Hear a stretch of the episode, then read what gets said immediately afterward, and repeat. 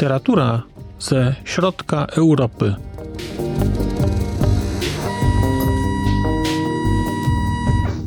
Podcast około książkowy.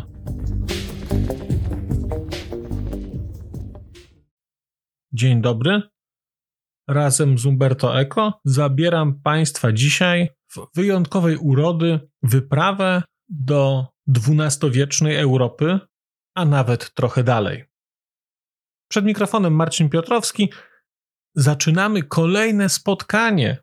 Kolejne spotkanie w podcaście Znak Litera Człowiek, a bohaterką dzisiejszego spotkania jest książka Umberto Eco Baudolino. Książka ukazała się w Polsce w roku 2001. Książkę przełożył pan Adam Szymanowski, a Baudolino ukazało się nakładem wydawnictwa Noir sur Blanc nie tak dawno, kilka miesięcy temu, dosłownie widziałem chyba nową serię tych książek w nowej szacie graficznej. Pięknie barwiony blok. Imię róży było na czerwono barwione, a Baudolino na zielono. Nie kupiłem ani jednego, ani drugiego, starając się pohamować chuć nieledwie nabywania nowych książek, więc chyba kupię sobie Baudolino ponownie, bo warto mieć tę książkę na zapas zwłaszcza jak wygląda tak godnie jak nowe wydanie. Baudolino to jest książka, którą czytałem po raz pierwszy zaraz po tym, jak się ukazała. Bardzo ona mi się wtedy podobała i uważałem ją za najlepszą książkę Umberto Eco, przynajmniej dla mnie. Baudolino poprzez bardzo, bardzo specyficzny klimat gdzieś był dla mnie najwyżej notowany. Byłem zaskoczony, jak Maudolino zostało jednakowoż chłodno przyjęte chociażby przez moich znajomych, którzy też czytywali Eko. Jak zupełnie inaczej tę książkę odebrali i jak zupełnie inaczej tę książkę ocenili.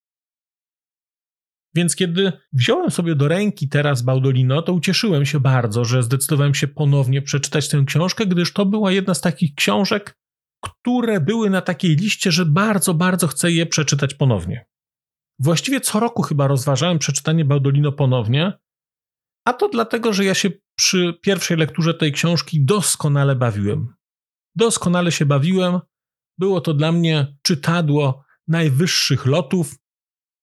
Historia rewelacyjna, porywająca, napisana, jak to pisze Eko, sprawnie, z mnóstwem detali historycznych. No, coś pięknego ale jakoś się nie składało. Ten Baudolino sobie leżał, przykurzał się i w końcu przyszedł jego czas. I muszę przyznać, że książka przeczytana ponownie po 22 latach zrobiła na mnie kolosalne wrażenie po raz wtóry. Ale nie było to takie oczywiste. Dlatego, że kiedy zacząłem czytać Baudolino, to zacząłem tę książkę czytać tak, jak czytałem ją kiedyś a kiedyś czytałem ją jako powieść, nazwijmy to quasi-historyczną. I kiedy zacząłem tę lekturę teraz, a powiedzmy sobie, że Baudolino to jest książka, której akcja rozgrywa się na przełomie XII i XIII wieku i opisuje, powiedzmy, życie urzędnika, historyka, dworzanina, posła. Opisuje życie barwnej postaci tamtych lat, która ma na imię Baudolino. No, rzecz w tym, że ta książka opisuje znacząco więcej postaci. Ale to, co z tej książki zapamiętałem i jak ją kiedyś odebrałem, to to, że jest to książka historyczna, pokazująca przełom XI-XII wieku, nie, właściwie XII i XIII wieku, północne Włochy, cesarstwo niemieckie, właściwie cesarstwo rzymskie narodu niemieckiego, północne Włochy, Bizancjum, Baudolino jest wplątany w ileś intryg różnego typu i tak naprawdę mamy szansę spojrzeć na takie życie codzienne tamtych lat. I tę książkę tak zacząłem teraz czytać, a po chwili zorientowałem się, pomyślałem sobie, a dlaczegoż mam czytać tę książkę ponownie tak samo? Przecież zasadniczo wiem, jak ona się kończy. Mimo, że jak się okazało, mnóstwo rzeczy zapomniałem, ale no, główna oś fabularna była mi znana.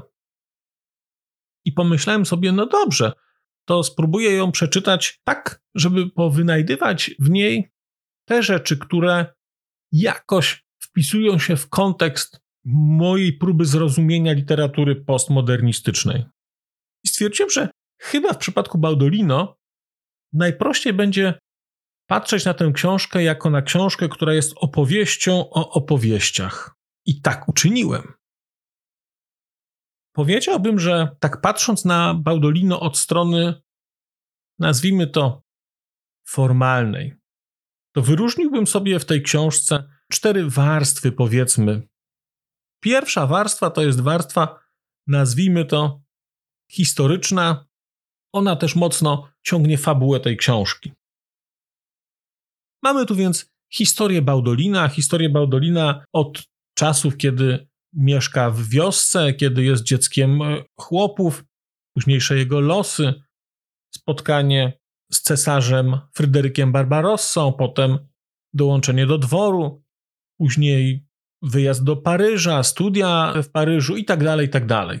Ta historia toczy się odkąd Baudolino miał lat 14, chyba tam jest pokazane, do czasu aż ma lat 60. Obok Baudolino drugim głównym bohaterem tej książki jest cesarz Fryderyk Barbarossa, który pojawia się jako przybrany ojciec Baudolino i właściwie też przez większą część tej książki jest obecny. Trzeci element, trzeci fragment tej warstwy historycznej to jest już historia, no, taka nie do końca zrealizowana. To jest historia księdza Jana, który włada na wschodzie mitycznym królestwem chrześcijańskim, które jest gdzieś daleko, daleko na wschodzie umiejscowione. I Baudolino postanawia tego Jana odnaleźć, to królestwo odnaleźć. To jest ta warstwa, nazwijmy to historyczna. Tuż pod nią jest warstwa, którą nazwałem sobie kulturowo-apokryficzną. Bo tak naprawdę oglądamy Baudolino, spotykamy Baudolino w bardzo konkretnych miejscach. To znaczy, widzimy wyprawy cesarza Fryderyka do Włoch, widzimy walkę papiestwa z cesarstwem, bierzemy udział w wyprawach krzyżowych, zdobywamy Konstantynopol. Te rzeczy się gdzieś tutaj cały czas pojawiają. Pojawia się wątek historii świętego Grala, który tu jest nazwany Gradalis. Ale tak naprawdę dostajemy to, co w tej książce jest najpiękniejsze, czyli apokryf. Mamy tę właśnie mityczną podróż do królestwa Jana. Coś, co było albo nie było, co było w głowach. Mamy trzecią warstwę, czyli warstwę literacką. I na tej warstwie, którą nazwałem sobie literacką, to powiedziałbym, że Baudolino to jest wyjątkowej urody mieszanka różnych typów powieści. Mamy więc tutaj klasyczną powieść historyczną. Mamy powieść, nazwijmy to historyczno-fantastyczną. Nie do końca wiem, jak to nazwać. Nazywam tę powieść historyczno-fantastyczną, no bo kiedy Baudolino przemierza te dzikie krainy, kraje, które są położone na wschód od Bizancjum, kiedy trafia do krainy psigłowców, kiedy trafia do krainy monopodów, to są ludzie o jednej nodze. Znajduje także ludzi, którzy nie mają nóg, tylko szczudła. Znajduje tam także ludzi, którzy nie mają głów, tylko tak jakby twarz mają na wysokości piersi. Znajduje również ludzi, chociaż nie wiem czy ludzi, stwory, które mają genitalia po środku klatki piersiowej. To formalnie bardzo interesujące. I mówię o tym, że to jest powieść historyczno-fantastyczna, dlatego że większość tych rzeczy to są rzeczy, które są wyciągnięte z jakichś mitów, to są rzeczy, które są wyciągnięte z jakichś opowieści, z jakichś obrazów, z jakiegoś ówczesnego rozumienia świata, więc jest bardzo głęboki kontekst historyczny i jest jednocześnie kontekst no, no fantastyczny, bo najprawdopodobniej, najprawdopodobniej historia opisywana przez Baudolino jest historią nieprawdziwą. Znaczy, być może nie ma psigłowców, chociaż muszę przyznać, że jak się tę książkę czyta, no to nie wiem jak Państwo, ale ja szczerze wierzyłem, że te historie się wszystkie Baudolino przydarzyły. W ramach tej warstwy literackiej mamy wreszcie klasyczny kryminał, ale tak klasyczny kryminał, który wybucha pod koniec książki i kiedy się na to patrzy, to widać później, jak wiele było przesłanek po drodze gdzieś wstawianych, które człowiek przeczytał, w ogóle nawet na nie nie zwrócił uwagi, a potem okazuje się, że w momencie, kiedy ta zagadka jest formułowana kiedy ta zagadka jest rozwiązywana w taki najbardziej możliwy, klasyczny sposób, detektywistyczny, logiczny, to nagle my nie wiemy, co powiedzieć, a nagle okazuje się, że wszystkie wskazówki wcześniej były. Myśmy ich nie widzieli. Są w ramach tej warstwy literackiej takie filozoficzno-religijne dysputy, bo urok tej powieści polega na tym, że ona jest tak głęboko zanurzona tej mentalności średniowiecznej, że bohaterowie nieustannie toczą ze sobą dysputy religijne, filozoficzne, i te dysputy są toczone daleko na wschodzie. To tak pięknie widać. Im bardziej oni odjeżdżają z tego zachodu na wschód, tym bardziej zmienia się charakter narracji w książce. Pojawia się więcej tych takich charakterystycznych dla wschodu rozważań religijnych. No i mamy wreszcie w warstwie literackiej po prostu opowieści. Opowieści dziwnej treści, ale opowieści dziwnej treści różnego typu wiodą nas do czwartej warstwy, którą nazwałem sobie warstwą konceptu. I ta warstwa konceptu była dla mnie przy tej lekturze chyba najbardziej odkrywcza. I chyba ona dla mnie była teraz najbardziej interesująca. Bo kiedy odrzuciłem sobie, no może nie odrzuciłem, ale powiedziałem, że nie będę się upajał historią, która tu jest opowiedziana, co było dla mnie trudne, bo ta historia jest świetnie napisana i jest genialna koncepcyjnie.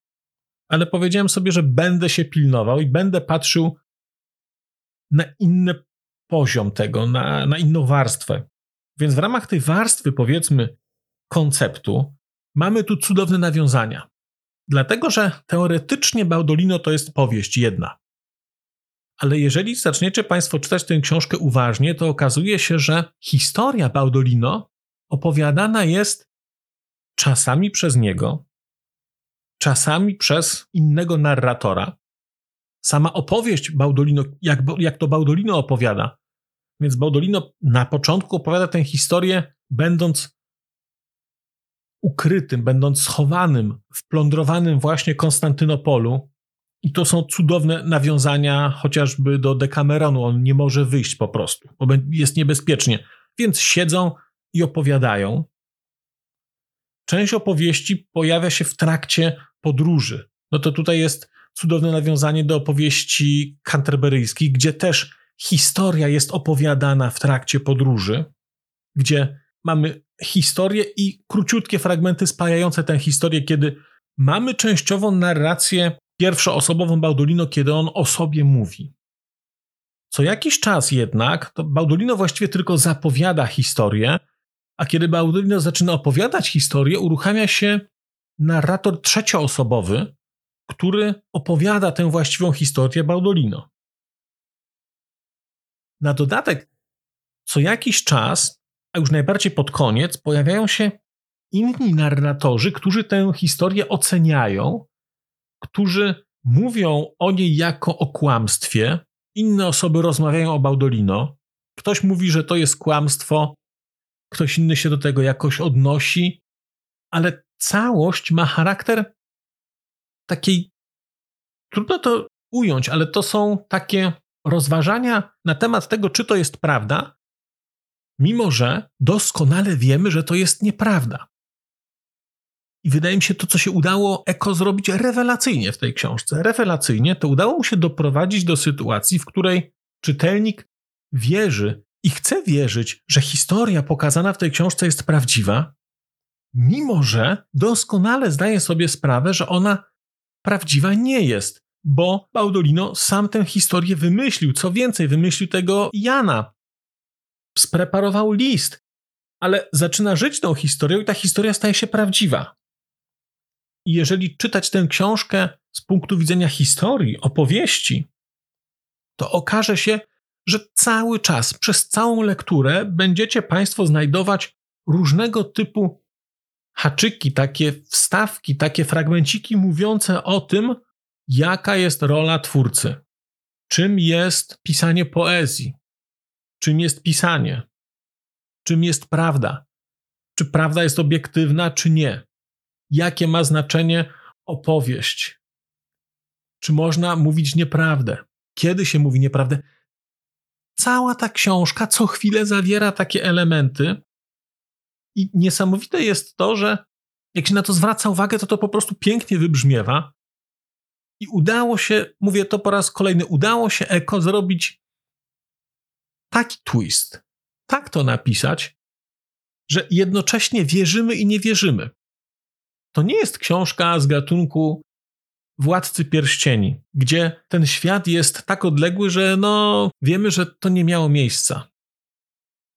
Historia, która tu jest pokazana, historia apokryficzna, historia Grala jest tak wkomponowana w historię, którą znamy z innych przedstawień, że nagle okazuje się, ach, to stąd wzięli się rycerze okrągłego stołu. To stąd wzięła się opowieść o Gralu. Dlatego mamy tak różne wersje tej opowieści, bo to, to, to i to. I ta książka to wszystko oferuje. Przepięknie te rzeczy są przetworzone. Przepięknie pokazana jest jakaś forma historycznej blagi, jakaś forma przekształcania kłamstwa w apokryf, ale przekształcania kłamstwa w apokryf w taki sposób szalenie niewinny, w taki sposób, który jest kłamstwem, ale jest takim kłamstwem, za którym chcemy podążać nie dlatego, że ono nam obiecuje nie wiadomo co, tylko dlatego, że szukamy takiego świata. Chcielibyśmy, żeby ta historia wydarzyła się naprawdę. I mimo, że być może nie ma psigłowców, mimo, że być może nie istnieją hypatie, to co z tego? A może lepiej, gdyby istniały? A może my o czymś nie wiemy? A może to jest jakaś alternatywna rzeczywistość? No jest to piękne, a najpiękniejsze jest zakończenie, kiedy rozmawiają tacy bohaterowie uzupełniający tej książki i rozmawiają na temat tego, czy warto wpisywać historię opisaną przez Baudolino jako oficjalną historię Cesarstwa Bizantyjskiego. I jeden z tych bohaterów mówi tak: Nie, nie warto, bo ten człowiek kłamie, to jest wszystko kłamstwo. Jakkolwiek to nie jest piękne, to jest kłamstwo. A po chwili dodaje: Ale prędzej czy później znajdzie się jakiś idiota, który to wszystko opisze. I ten autotematyzm, to, że w ostatnim zdaniu właściwie Eko zostaje określony jako idiota, który tę historię jakoś opisze, jest domknięciem tej książki. Jest domknięciem tej książki takim, że chciałoby się przeczytać ją ponownie. I ja nie mogę się doczekać, kiedy przeczytam ją jeszcze raz, bo zwłaszcza te historie z drugiej części książki, kiedy zaczyna się rzeczywiście wyprawa w poszukiwaniu królestwa księdza Jana, to to jest genialne arcydzieło na poziomie koncepcji, arcydzieło na poziomie wyobraźni. Jak te ludy są oddane, jak oni toczą te dysputy, bo oni toczą oczywiście dysputy, bo te ludy się dzielą, ale te wszystkie ludy to są de facto herezje wczesnośredniowieczne. Wcześniej mamy pokazane właściwie, jak funkcjonowały państwa w północnych Włoszech w okresie takiego już nadchodzącego renesansu, bardzo wczesnego renesansu. Mamy historię pokazującą, jak funkcjonował Paryż, życie, zwłaszcza studentów, żaków.